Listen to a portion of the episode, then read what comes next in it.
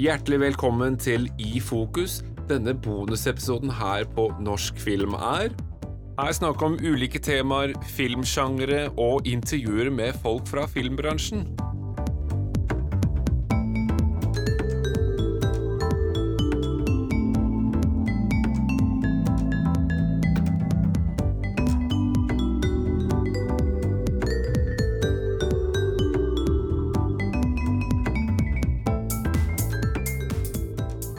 I dag har vi Klaus Sandvik.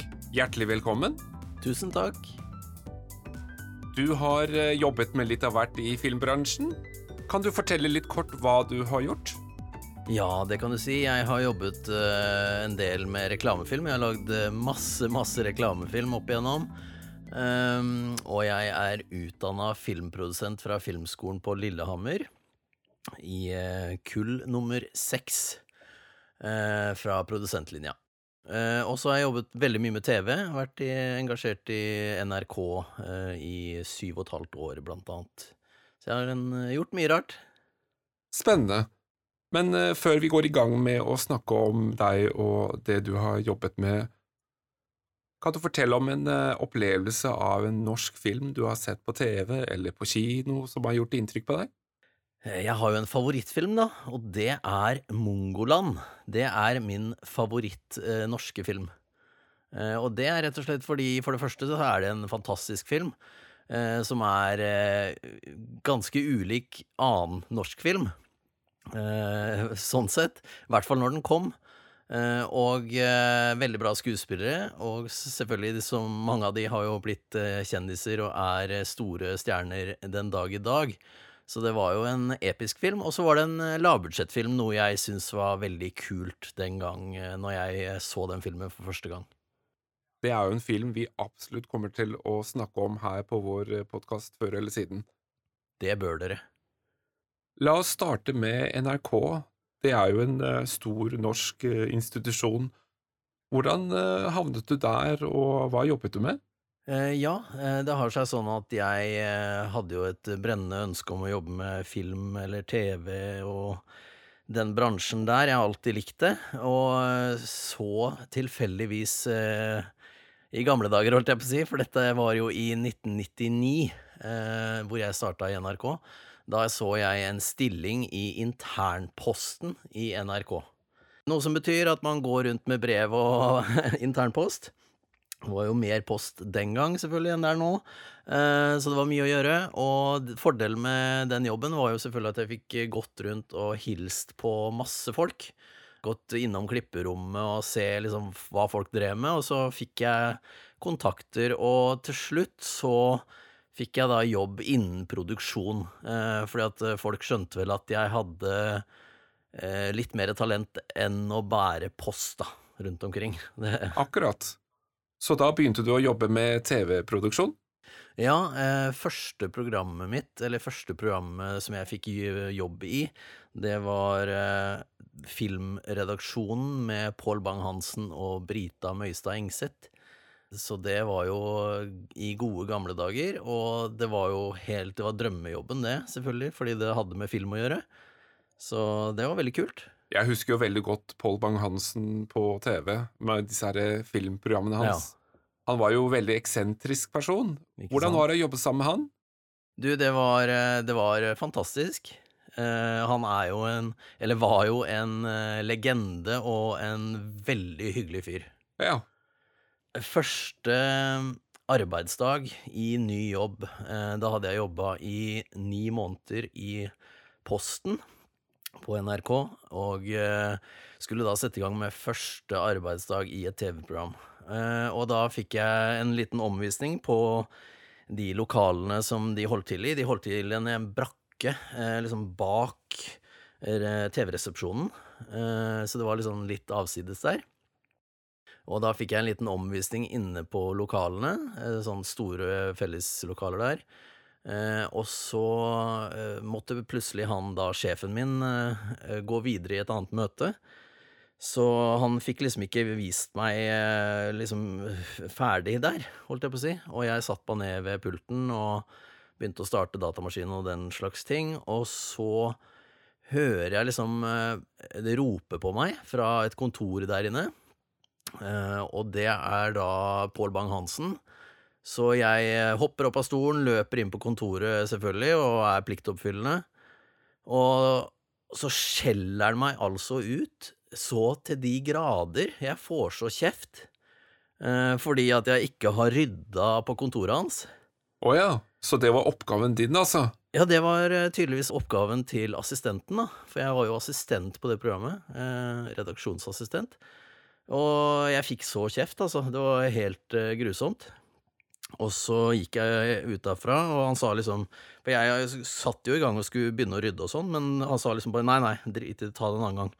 Eh, og så jagde han meg ut av kontoret, og så fortsatte han å jobbe. Og, og jeg, jeg husker fortsatt den eh, liksom den følelsen der hvor du liksom angrer på at du tok den stillingen, på en måte. Og det var helt forferdelig. Og så, etter hvert, så kom eh, sjefen min, da, eller produsenten på programmet, tilbake, og det ble masse styr, vi skulle ordne mye og sånn, og jeg snakka ikke med Pål noe mer den dagen. Nei. Eh, og så kom jeg selvfølgelig, tok toget hjem og sånn, og grua meg noe fryktelig til dagen etter, da. Og eh, kom tilbake på kontoret, og der eh, sto Pål og tok imot meg med åpne armer. Og det som var greia, var at han hadde da spøka, selvfølgelig. Han hadde bare tulla. Eh, men han hadde glemt, eller han hadde ikke fått tid, fordi at eh, jeg forsvant jo, på en måte. Så han hadde ikke rukket og sagt at liksom Sorry, dette var en spøk. Så han hadde jo skikkelig dårlig samvittighet, ikke sant, for han hadde jo ødelagt den dagen for meg, da. Eh, og siden det, eller liksom etter den dagen, så var vi kompiser. Skikkelig gode venner, eh, vil jeg si, og vi hadde det så moro sammen. Så det gikk jo veldig bra, og det var en fantastisk eh, sted å jobbe, og veldig artig å få jobbe med film, da, selvfølgelig. Og se alle de nye filmene som kom ut, og alt det greiene der. Du har jobba med noe som heter Filmplaneten. Ja. Hva slags type program var det? Eh, jo, det var eh, et eh, På en måte kall det et reiseprogram. En blanding mellom et eh, filmanmeldelseprogram og et reiseprogram. Hvor man Eller Michael Olsen Lerøen da, var programleder og hadde alltid på seg smoking. Sikkert mange som husker det. Så han hadde, hadde på seg smoking om han, uansett hvor han var.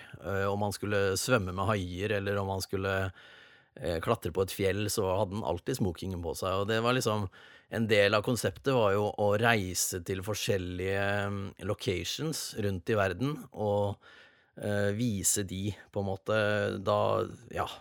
Der hvor de spilte inn Il Postino, for eksempel, eh, er jo et godt minne jeg har. Eh, Postmannen i eh, Italia. Og det, det var morsomme ting, altså. Da reiste vi rundt og lagde disse programmene og intervjua liksom de store stjernene, som Viggo Mortensen og ja, eh, de store, liksom. Hva er det beste minnet du har fra Filmplaneten? Den reisen vi hadde til eh, Sicilia, hvor vi lagde ting om uh, mafiafilmer og Il Postino og mange andre filmer, Star Wars blant annet, som ble spilt inn delvis der, da. Eh, det er eh, veldig Det var en av de, det er en av de beste turene jeg har hatt eh, i jobbsammenheng, egentlig. Det var utrolig fin opplevelse. Veldig hyggelige folk jeg reiste med, selvfølgelig. Produsenten vår og Mikael, da, som vi reiste sammen med der. Og det var lite team, bare oss tre. Og vi hadde det utrolig hyggelig og så ufattelig kule ting, liksom. Og traff masse fine mennesker. Så det er noe jeg husker godt. Da. Det var en sånn god uh, opplevelse. Det høres jo både interessant og lærerikt ut, det programmet. Ja, det var utrolig moro å være med på. Eh, det er klart, det var jo eh, sikkert en slitsom produksjon for eh, Mikael, som måtte reise rundt hele verden. Jeg lagde jo bare annethvert program, mens han var med på hvert eneste program. Akkurat. Så når jeg var hjemme og planla neste program, så var det en annen produsent som var ute med et eh, annet program igjen. Eh, Og da var Mikael på hele tiden, så han reiste jo kontinuerlig. Mens jeg dro hjem og var hjemme i 14 dager, liksom, så var han ute igjen, på en måte. Så det er liksom sånn eh, var nok mest slitsomt for programlederen, vil jeg tro. For å ta det helt fra begynnelsen av, hvordan havnet du i filmbransjen, sånn med utdanning og Ja. interesser og sånn? Så lenge jeg kan huske, så har jeg egentlig hatt uh, lyst til å jobbe med film, og det uh, Det starta liksom uh, fra Jeg så et program om stuntmenn da jeg var liten, liksom. Da hadde jeg lyst til å bli stuntmann, men det slo jeg fort fra meg så fort jeg fikk slått meg litt. Eh, så droppa jeg det, liksom. Men eh, jeg likte film. Jeg så film hele tiden. eh, I barndommen, på en måte, og visste at det, jeg skulle inn i den bransjen der, tenkte jeg da. Jeg bodde jo Jeg er fra Sarpsborg, så en by rett ved siden av, som heter Fredrikstad, selvfølgelig. Der var Harald Svart liksom begynte å slå seg opp litt i Ja. bransjen. Eh, og da hang jeg meg litt på. Eh, prøvde å få jobb som eh, assistent på hans reklamefilmer og sånn. Ja, for han begynte å lage reklamefilmer før han begynte med Ja, film. han eh, lagde en del reklamefilm, eh, og så lagde han Hamilton eh, med Petter Stormare, og var premiere og greier i Fredrikstad og Storstas, og der var jo jeg selvfølgelig. Eh, og det var vel der jeg traff Harald første gangen også, faktisk, så det var etter Hamilton at jeg begynte å jobbe litt med han, da. Uh, og da, ja eh, var jeg vel såpass innpåsliten at jeg klarte å liksom uh, bli kjent med han, på en måte, og ja, kom meg litt inn den veien. Så det var veldig bra. Ja. Var det bare sånn at du troppa opp og spurte om jobb, eller Ja, si det. Nei, det, det starta med at eh, jeg er litt sånn sjenert fyr, så jeg er ikke så veldig flink til å liksom bare ringe og tigge om jobb, liksom, og sånn. Eh, så det jeg gjorde, var å starte en fanside om Harald Svart etter Hamilton. Eh, For jeg hadde fått selvfølgelig autografer og sånn på den premieren, husker jeg. Så jeg lagde en sånn Harald Svart fanpage, het den i sin tid. Eh, .com. Fins Eh, den enda, nei, den hjemmesiden? Nei, nei, nei. Den er lagt ned for eh, ja, 30 år siden, holdt jeg på å si. Eh, men, eh, men eh, det var sånn det starta. Jeg starta den fansiden, og Harald oppdaga den etter hvert. Og syntes det var veldig kult. Han fikk liksom sin første fanside, og det syntes han var litt morsomt. Mm. Så han samarbeida da med meg og ga meg masse informasjon, sånn inside information, eh, direkte fra hans produksjoner og sånn, som jeg kunne legge ut. Så han ga meg bilder og videoklipp og sånne ting som jeg kunne legge ut uh, direkte fra han, da. Så jeg ble mer eller mindre en sånn kontaktperson for media i Norge og sånn. Uh, hvor de liksom fant siden min og tok kontakt med meg, og så bare formidla jeg videre. Var dette her sånn skolealdertrinn, da, eller eh? Ja, hva kan jeg ha vært da? Liksom, ja, det Hva skal jeg si? Noen og tjue, liksom? Kanskje et eller annet sånt? Så gjennom den kontakten så begynte du å jobbe sammen med Harald Svart, da? Ja, eller jeg fikk en del eh, sånn oppdrag på norske reklamefilmer. Han lagde jo veldig mye i utlandet, så det var ikke så mye han gjorde i Norge i og for seg. Men eh, da fikk jeg liksom smaken på det å være med som assistent da, på diverse reklamefilmer. Eh, hans produksjoner. Så veldig mye morsomme ting der, altså. Ja, hvordan var det å jobbe sammen med Harald Svart, egentlig? Det er, eh, det er jo verdens hyggeligste person å jobbe med. Det er ingen tvil om det. Eh, Harald er helt fantastisk på alle mulige måter, og kona hans òg, Veslemøy. Men hva skal man si, det er jo Det var mange morsomme episoder i og for seg. Det var en reklamefilm, jeg lurer på om det var for SAS. Og da var jeg eh, assistent, og assistenten, altså produksjonsassistenten, det er laveste mulig på rangstigen i en filmproduksjon. Så det var meg. Eh, og da blir du satt til mye rart. Og så var det en Det var jo hektisk eh, opptak mange forskjellige steder. Opptak i Fredrikstad, rundt omkring. Og så var det en eh, location som skulle klargjøres eh, til dagen etter, jeg lurer på om det var. Men uansett, eh, da ble jeg kjørt dit for å hjelpe til å klargjøre den, det settet, da, som de skulle filme senere. Og der hadde noen bygd en vegg, en kunstig vegg som skulle settes opp i et rom. Og den veggen, idet de hadde heisa liksom opp den veggen, altså Den var jo bygd mens den lå nede. Så ble den vippa opp, og idet den ble vippa opp, så så de at den var eh, rett og slett litt for høy. Eh, Så den eh, gikk i taket, for å si det sånn. Så da fikk jeg beskjed om å sage av toppen på den veggen. Og det var jo for så vidt enkel oppgave. Men vi hadde jo ikke noe sag. Og så ble jeg da presentert for en Leatherman.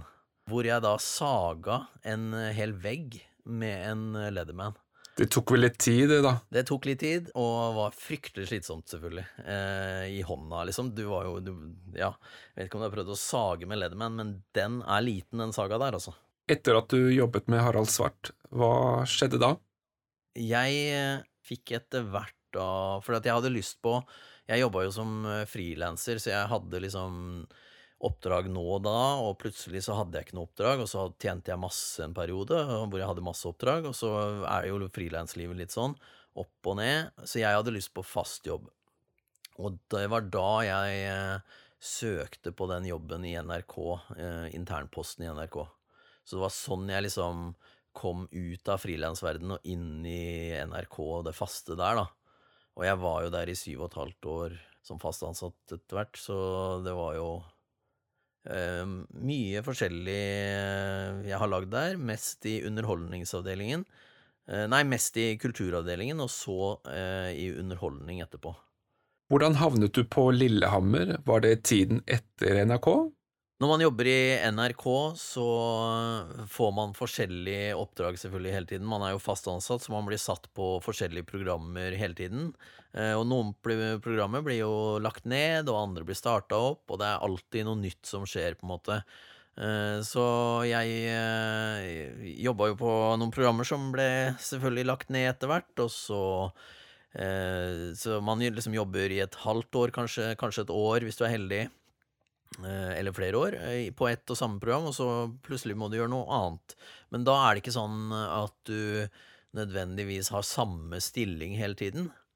Eh, Så noen ganger har du spennende, veldig kule jobber, og andre ganger så har du litt mer sånn eh, kjedelig, da, kan du si. Og så var det vel en liten periode hvor eh, jeg uh, kjeda meg litt, da, kan du si. Eh, og så tok jeg permisjon i ett år eh, for å flytte til London. Og mens jeg var der, så søkte jeg på filmskolen. Eh, og det var andre gangen jeg søkte. eh, og eh, etter en lang eh, prosess eh, med opptaksprøver og det opplegget der, for det er ganske sånn eh, kult eh, opptakssystem der, så kom jeg inn på filmskolen som eh, den gang den eldste som noen gang hadde gått på filmskolen. Hvordan fungerer opptaksprøven på Lillehammer? Jeg søkte jo på produsentlinja. På den opptaksprøven jeg hadde da, så Eller du har først eh, eh, Første del, da, er å skrive en eh, Eller dette er jo forskjellig fra gang til gang, men når jeg søkte, så var det eh, Da måtte man finne en bok som man likte, og så måtte man gjøre om den boka til en film. Altså, du måtte forklare hvordan du ville løst den eh, boka, liksom hvordan ville du knekt den om til en film. Eh, som du kan selge, hvilke skuespillere ville du hatt med, og hvordan vil du løse historien i boka, og sånne ting. Så måtte du liksom skrive eh, svær blekke om det. Eh, side på side på side om det, og legge ved bilder og alt du kunne, egentlig, for å liksom imponere. Og så kom du da eventuelt videre til en fysisk opptaksprøve. Eh, og når den eh, kom, så kom den litt eh, brått på, for jeg var jo jammen meg i Syden. Jeg satt der og koste meg i, i varmegrader der nede og i Spania, og satt og koste meg, og så ringer de fra filmskolen og sier eh, du må komme på opptaksprøve, eller vil du det, liksom? Og klart jeg ville det, men da måtte jeg altså reise fra ferien og rett til Oslo. Så, og det gjorde jeg, da. Og det viste seg jo at det lønte seg, selvfølgelig. Jeg kom jo inn. Så det var jo flaks. Hvor lang tid tar en sånn utdannelse, egentlig? Det er eh, tre år for bachelor, og nå kan du også ta master på filmskolen. Hvor du da skal lage en eh, spillefilm, blant annet. Du har laget noen dokumentarer også, og vært på festivaler rundt i verden. En av filmene dine har jo faktisk havnet på en filmfestival i Los Angeles. Ja, det stemmer. Du, det har seg sånn at eh, Ja, jeg har jo drevet og Sånn utenom jobb og sånn, så har jeg alltid liksom lagd kortfilmer, eh, sånne artige små kortfilmer, for å liksom prøve å komme inn på Grimstad kortfilmfestival og sånn. Det var liksom drømmen, det, i eh, den gang. Å komme inn der. Eh, for at det er nåløye, liksom. Og så Så jeg lagde hele tiden sånne hobbyprosjekter, da. Og så var jeg en gang uh, på Ikea, og så med en kollega fra NRK og dama hans, og så sier han plutselig sånn helt ut av det blå To feite menn som slåss, sier han. Eh, og så begynner alle å le, ikke sant? Og så tenkte jeg at det er jo faktisk en utrolig kul eh, film. To feite menn som slåss. Det er ikke sånn politisk korrekt, akkurat, eh, så det er det ikke. Men eh, eh, jeg lagde da en 16 mm-produksjon. Nei, 35 mm var det faktisk. Eh, det er lenge siden, det var i 2004. Da lagde jeg en film eh, som jeg kalte for Rikishi, som da handla om eh, to feite menn som slåss. Rike mennesker, gamle mennesker, som står og ser på de. Eh, Så det var konseptet, da. Og det er en veldig kort film. Den var vel, ja, under to minutter, i hvert fall.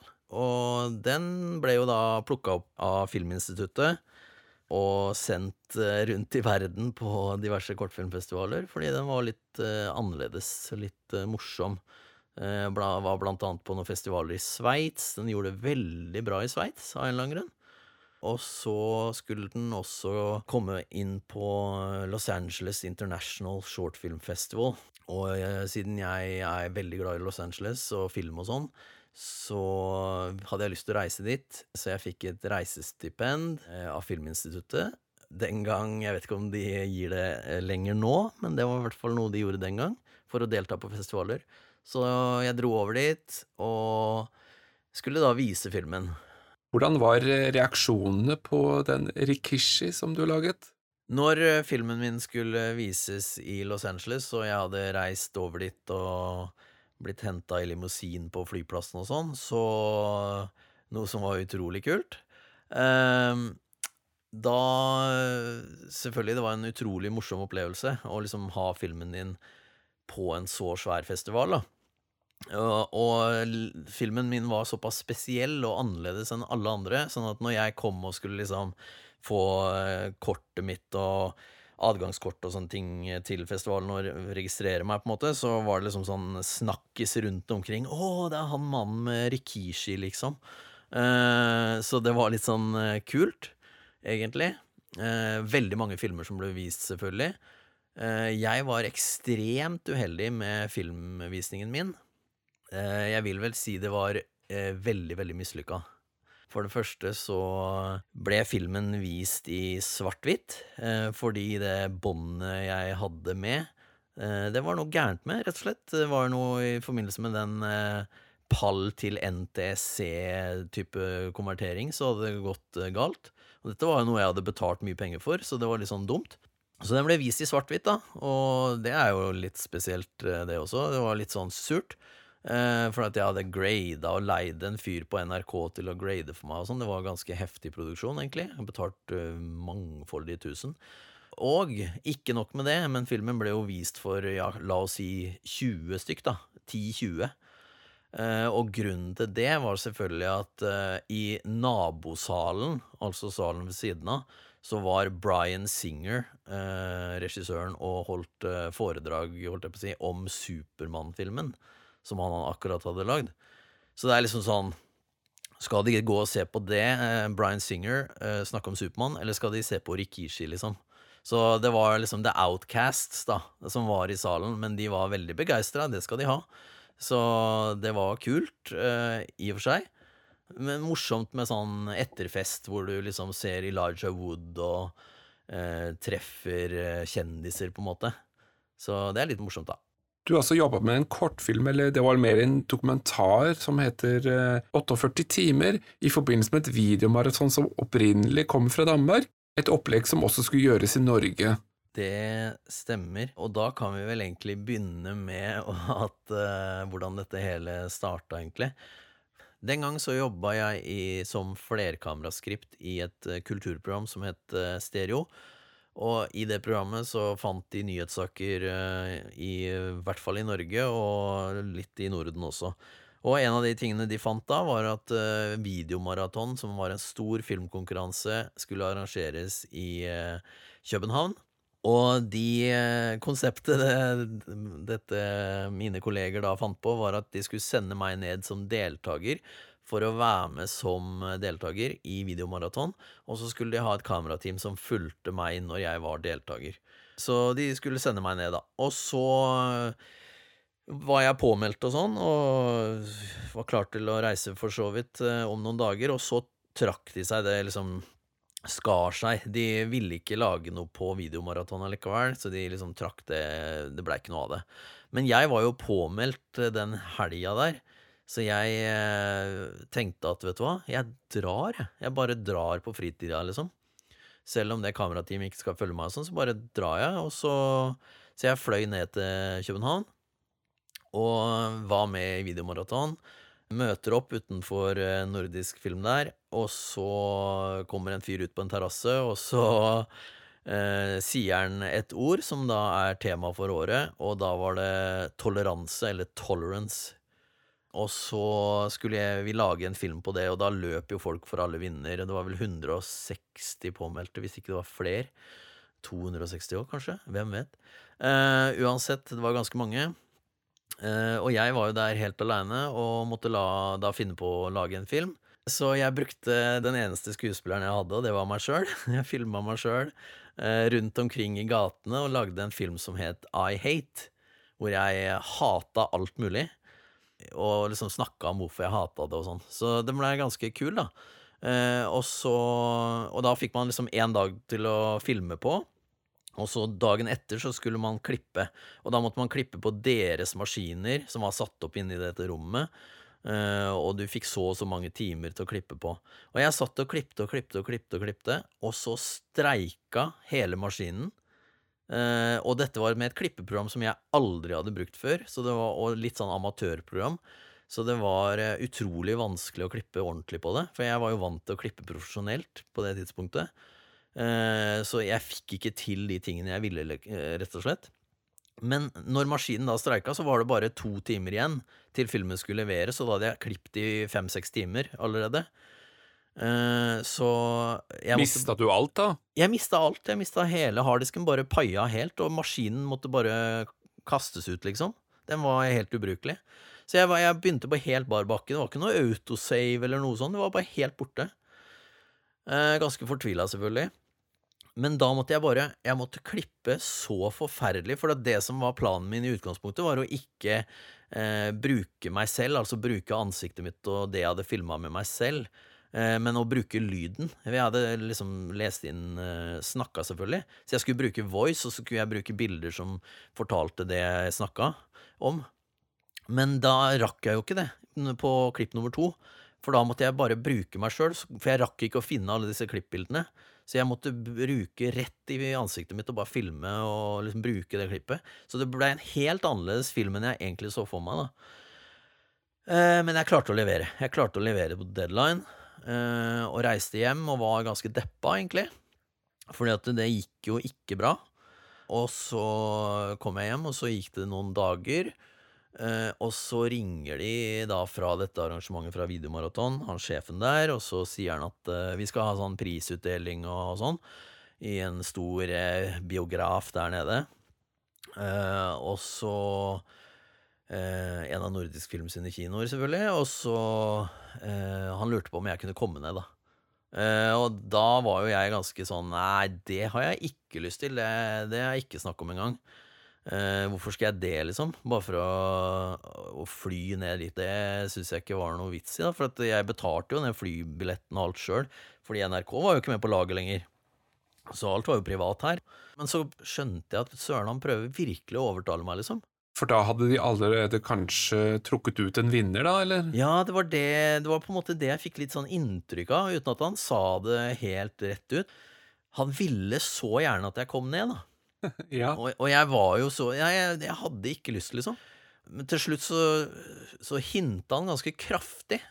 Ja, kanskje du er en av de topp der, liksom.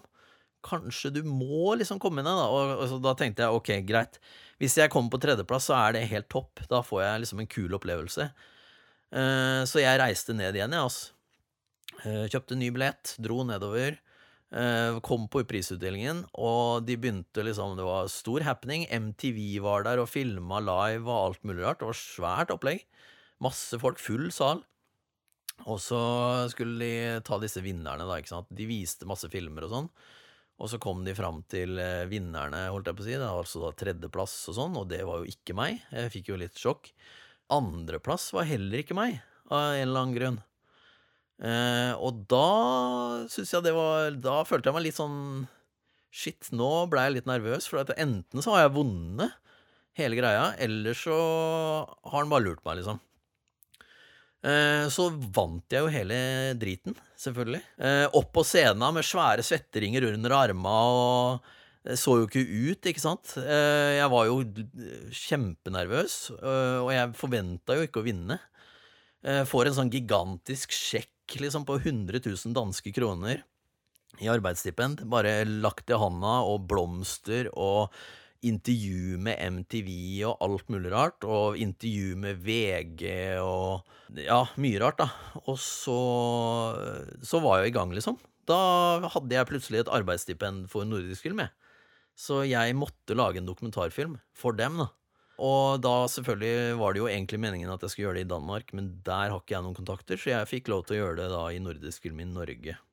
Jeg fikk da en produsent, veldig fin fyr, øh, fine, hyggelige folk, som jeg skulle jobbe med. Valgte du sjøl, eller var det noe de valgte Ja. for deg, eller? Det som var greia, siden det var et arbeidsstipend, så måtte jeg komme med idé sjøl. Jeg måtte liksom si hva jeg hadde lyst til å lage film på. Eh, og det var en dokumentarfilm, da. Det var det som var greia. Og den var eh, tenkt for TV. Så det var planen. Og jeg hadde jo ikke noen idé i utgangspunktet, egentlig.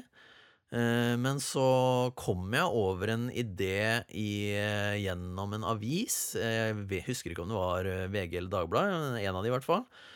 Hvor det var en litt spennende historie om en fyr som de kalte for Mr. X. Og dette var da en fyr som hadde hatt hukommelsestap. Eh, og huska ingenting av hvordan han hadde endt opp i Norge, og det var en ganske syk historie, egentlig. Uh, det sto masse om det i media på den perioden, og jeg fikk kontakt eh, med Mr. X, da, han selv. Tenkte at jeg skal lage dokumentar om han. Uh, Så hadde vi noen møter med han og Nordisk Film og meg, da. Hvor vi snakka om den filmen, og alt var egentlig go. At vi, vi lager den filmen. Eh, og så trekker Mr. X eh, seg. Eh, han ombestemmer seg. Han har ikke lyst til å være med på dette her. Kalte han seg Mr. X? Nei, det var eh, noe media hadde gjort, så han, eh, han het noe annet. Så han trakk seg, eh, og det blei ikke noe. Det viste seg da noe senere at han eh, hadde ljugd om hele historien. Eh, Som eh, Han hadde ikke hatt hukommelsestap, det var bare tull. Og det var selvfølgelig derfor han ikke ville lage film. Eh, Det skjønner jeg jo. Så jeg måtte lage noe annet, da. Eh, og da var det sånn at eh, jeg hadde jo ikke så mange gode ideer, jeg, så jeg eh, leste i avisene, rett og slett. Uh, og så var det en sånn Det var Agurknytt uh, en sommer, og da så jeg en eh, En eh, sak om eh, 56 år gamle Unni, eh, som hadde en leilighet på Majorstua med 10.464 kosedyr på veggene. Altså, hun hadde tapetsert huset sitt Eh, hvert eneste rom. Eh, de, veggene var dekka av kosedyr. Eh, og Unni, hun er blind, så hun eh, For det første så gikk hun rundt i leiligheten og kjente på disse kosedyra, hun syntes det var veldig fint, men også hadde hun de der for eh, at eh, det demper liksom akustikken i leiligheten. Så hun hadde på en måte lagd sitt eget eh, lydstudio uten at hun tenkte på det. Så det var greia, da. Eh, over 10 000 kosedyr, altså. Og så tenkte jeg at det er jo en søt historie, da. Så jeg foreslo det til Nordisk Film, og de var helt med på det. Altså, de syntes det var en artig liten historie. Eh, og så gikk jeg i gang med den produksjonen. Og det var en eh, produksjon som tok syv måneder, da. Hvor jeg var hos hun ca. én gang i uka. Noen ganger mer og filma ting som skjedde, litt spesielle historier, eller ting hun skulle gjøre, eller et eller annet sånt. Så jeg fikk jo veldig god kontakt med Unni da, i den perioden. Og så var det en uh, Hva skal jeg si uh, Historien tok jo en vending som jeg ikke så for meg. For det, det, det er, høres jo litt sånn kjedelig ut i og for seg. Bare en, en blind dame som har kosedyr på veggene, liksom. Hva er det for en historie? Men uh, første gangen jeg var hos hun, så sier hun at uh, hun, skal, hun, har planer om å selge leiligheten sin på Majorstua og gi bort alle pengene sine til en somalisk familie som bor i England. Det sa hun første gangen jeg intervjua henne, første gangen jeg liksom uh, gjorde opptak. og da tenkte jeg ikke noe mer over det. Jeg tenkte kanskje at det er jo noe helt Høres jo helt absurd ut. Det kommer jo ikke til å skje. Men det var jo det som skjedde, da. Så i løpet av den eh, opptaksperioden så gjorde hun det. Hun solgte leiligheten sin og ga bort alle pengene sine til en somalisk familie som bor i England. Dette videomaratonet i Danmark ender jo også opp i Norge, som du blir involvert i og ender opp med å lage en dokumentar om. Etter jeg vant, i, vant videomaratonet i Danmark, så bestemte de seg for å lage videomaraton, eller arrangere det i Norge også, og det var da for første gang. Og Nordisk Film hadde lyst til å lage en dokumentar om da første gang det ble arrangert eh, videomaraton i Norge. Så de eh, ansatte meg til å dokumentere det hele, og det kunne jeg jo gjerne gjøre. Og oppdraget gikk ut på at jeg skulle bruke meg sjøl, akkurat som jeg hadde gjort i Danmark når jeg vant. Eh, så jeg skulle selv være med i filmen og prate og sånn, og så, så det gjorde jeg. Men det som var greia, var at da var jo jeg bare eh, med når de fikk oppdraget. De fikk det ordet de skulle lage på, og så skulle jeg bare henge meg på noen mennesker helt vilkårlig. Og ingenting var planlagt på forhånd. For at det, konseptet var liksom at jeg skulle være med Eller liksom lage en dokumentar med nesten samme prinsipp. da, At jeg skulle liksom bare henge meg på. Vi skulle ikke få lov til å booke inn avtaler eller intervjuavtaler og sånn på forhånd. Jeg skulle liksom bare henge meg på, finne mennesker og bare henge meg på de. Så det var greia. Eh, så jeg bare hang rundt i resepsjonen der oppe i Nydalen og bare liksom dro tak i mennesker som jeg kom i kontakt med, og bare liksom eh, Du, jeg lager dokumentar om dette, og kan jeg være med deg og filme når du jobber med å filme denne filmen og sånn? Så det var vel fire personer jeg avtalte med den da, første opptaksdagen. Og da skulle jeg reise rundt i Oslo og bare liksom henge på og være hos de litt grann, og se på at de sleit med å lage noe. Og så skulle jeg reise videre til neste person, og så holdt jeg på sånn, da. Og så eh, hang jeg meg på da ca. fire personer. Eh, en av de klarte ikke å lage en film, altså trakk seg underveis. Eh, og de andre to eller tre leverte, da. Det som var litt morsomt, var at uh, jeg valgte jo av jeg, jeg, mener det var rundt 160 her også, jeg, altså jeg, om jeg blander disse tallene, det husker jeg ikke, men uh, det var veldig mange deltakere. Og det at jeg klarte tilfeldigvis å henge meg på vinneren, altså jeg klarte å finne vinneren helt tilfeldig. Jeg mener, hva er oddsen for det, liksom? Ja, det er jo helt utrolig. Ja, det er ganske utrolig, faktisk. Eh, jeg bare traff en fyr, liksom, og så bare Nei, du, kan jeg bli med deg hjem, liksom, eller rundt og lage filmen din? Og så, og så vinner han, liksom. Det er jo ganske absurd, da. Eh, det er nesten så det er for godt til å være sant, egentlig. Det er jo midt i blinken. ja, det er jo det er helt sykt, egentlig. Eh, så, og, men jeg skjønte jo, mens han holdt på og lagde sin produksjon, så skjønte jeg at det blei bra, da. For han var utrolig kreativ fyr. Og var faktisk i TV- og filmbransjen, han også sjøl, privat. Så det er ikke så rart at han vant, kanskje. Han var veldig bra. Men eh, i hvert fall det at jeg klarte å følge han, eller finne han, blant alle disse i nåla i høystakken, holdt jeg på å si, det er ganske kult. Så det blei en litt morsom film, som vi da kalte for 48 timer, og den eh, ble da vist på TV2 eh, som eh, dokumentar der, da. Det har vært veldig spennende å høre om historiene dine, Klaus, fra Fredrikstad med Haraldsvart til NRK og kortfilmfestival i Los Angeles. Jeg håper du har hatt det koselig her på vår podkast. Det har jeg, vet du. Det var hyggelig å bli invitert. Da vil jeg bare minne om at uh, vi har en internettside på www.norskfilmer.no. Der kan du lytte til alle våre episoder. Der finner du også link til Spotify, Apple og Google, hvor du også kan lytte til våre episoder. Vi setter pris på at du liker eller kommenterer der hvor du lytter på våre episoder. Følg oss også på vår Facebook-side. Det hjelper oss at andre blir kjent med vår podkast. Da sier vi bare ha det bra, og vi ses til neste gang. Ha det bra. Ha det!